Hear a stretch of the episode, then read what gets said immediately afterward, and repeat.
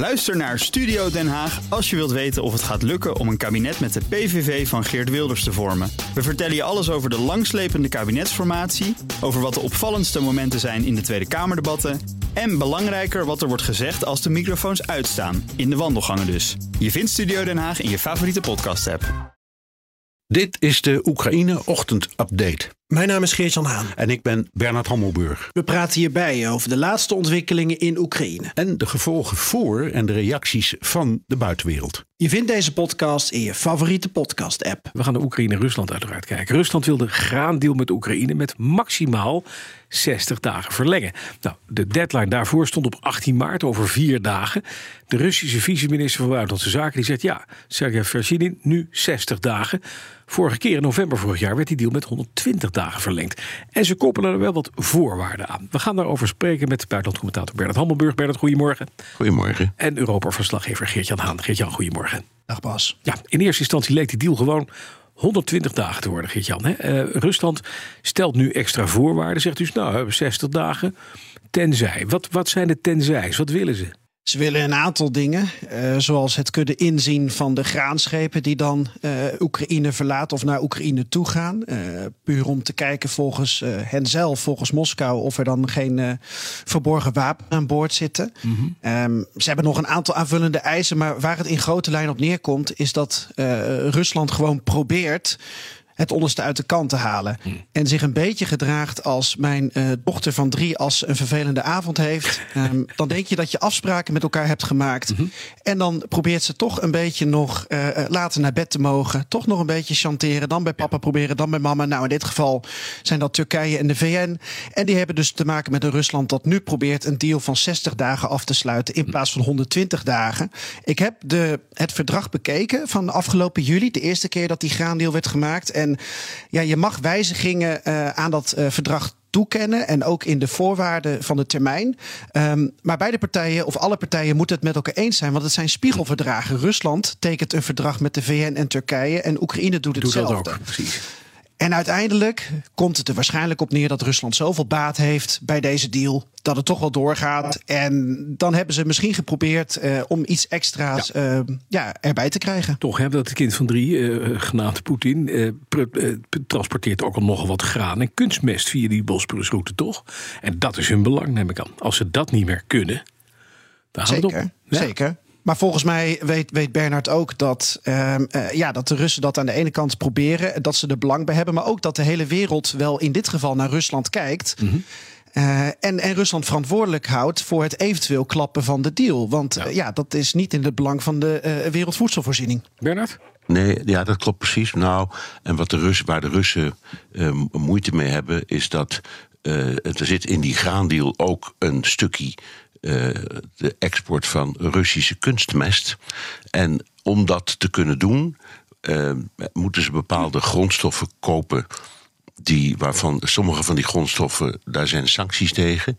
En ook de banken waar die transacties mee worden voltrokken, die vallen ook onder de sancties. Dus Rusland geprobeerd deze situatie, begrijp ik overigens van hun perspectief precies, om wat van die sancties te verlichten. Uh, en, en daarom zeggen ze, nou, als we steeds een beetje meegeven, maar we blijven drammen, krijgen we misschien op dat punt onze zin. Hm. Dat is tot nu, tot nu toe niet gelukt. Nee. Precies, en dan zijn we toch weer bij het dochtertje van drie van Geert-Jan.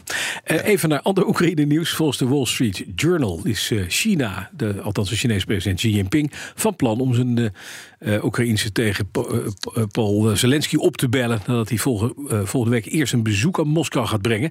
Het zou voor de eerste keer zijn hè, dat Xi spreekt sinds de start van de oorlog met Zelensky of ook Moskou bezoekt, echt zijn land uitkomt. Ja, Poetin en, en uh, Xi Jinping hadden elkaar toen in Samarkand ontmoet. Hè? Bij die Shanghai uh, ja. Cooperation Organization Summit. Uh, dat was geloof ik nogal spectaculair. Omdat Poetin toen eigenlijk toch als dat kind van drie... komen we daar weer bij terug. Mm -hmm. werd neergezet door zijn Chinese collega. Ik kan vanuit Oekraïense oogpunt wel, wel aangeven... dat Zelensky heel erg hoopt op dat telefoontje. Op die virtuele ontmoeting. Het is misschien wel het belangrijkste ook dat dat binnenkort staat te gebeuren. Als je het hebt over een, een, een mogelijk nieuwe ontwikkeling in de oorlog. Want we kunnen gaan voorspellen met z'n allen waar we over een paar weken of een paar maanden staan. Maar de rol van China is zo essentieel hierin.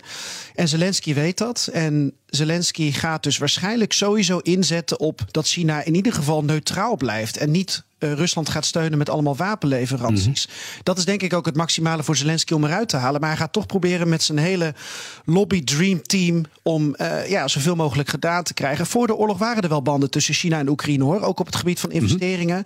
Dus daar probeert hij op voor te beduren. Ja, maar daarna werd het inderdaad stil. Bernard, maar China heeft gezegd we zijn neutraal in de oorlog tussen Rusland en Oekraïne. Hij heeft wel gezegd we, we veroordelen uh, agressie. Maar dat geldt voor beide partijen. Wat denk jij? Wat, want hij reist daarna door naar Moskou. Wat gaat hij met Poetin bespreken? Gaat hij nou, daar misschien ook een reflectie geven wat hij met Zelensky heeft besproken? Ja, hij heeft, hij heeft een, een, een, soort vredesplan eh, Precies, ontwikkeld ja. van twaalf punten. Ja. Daar was niemand erg van onder de indruk.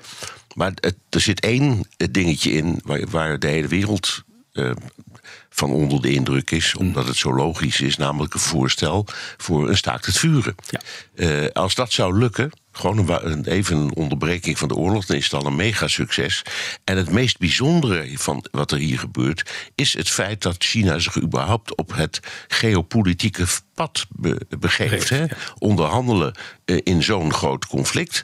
Al, al, al, is de kans dat het lukt niet zo groot, maar toch.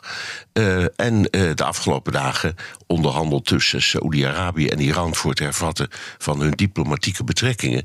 Dat was echt wel een magistrale doorbraak.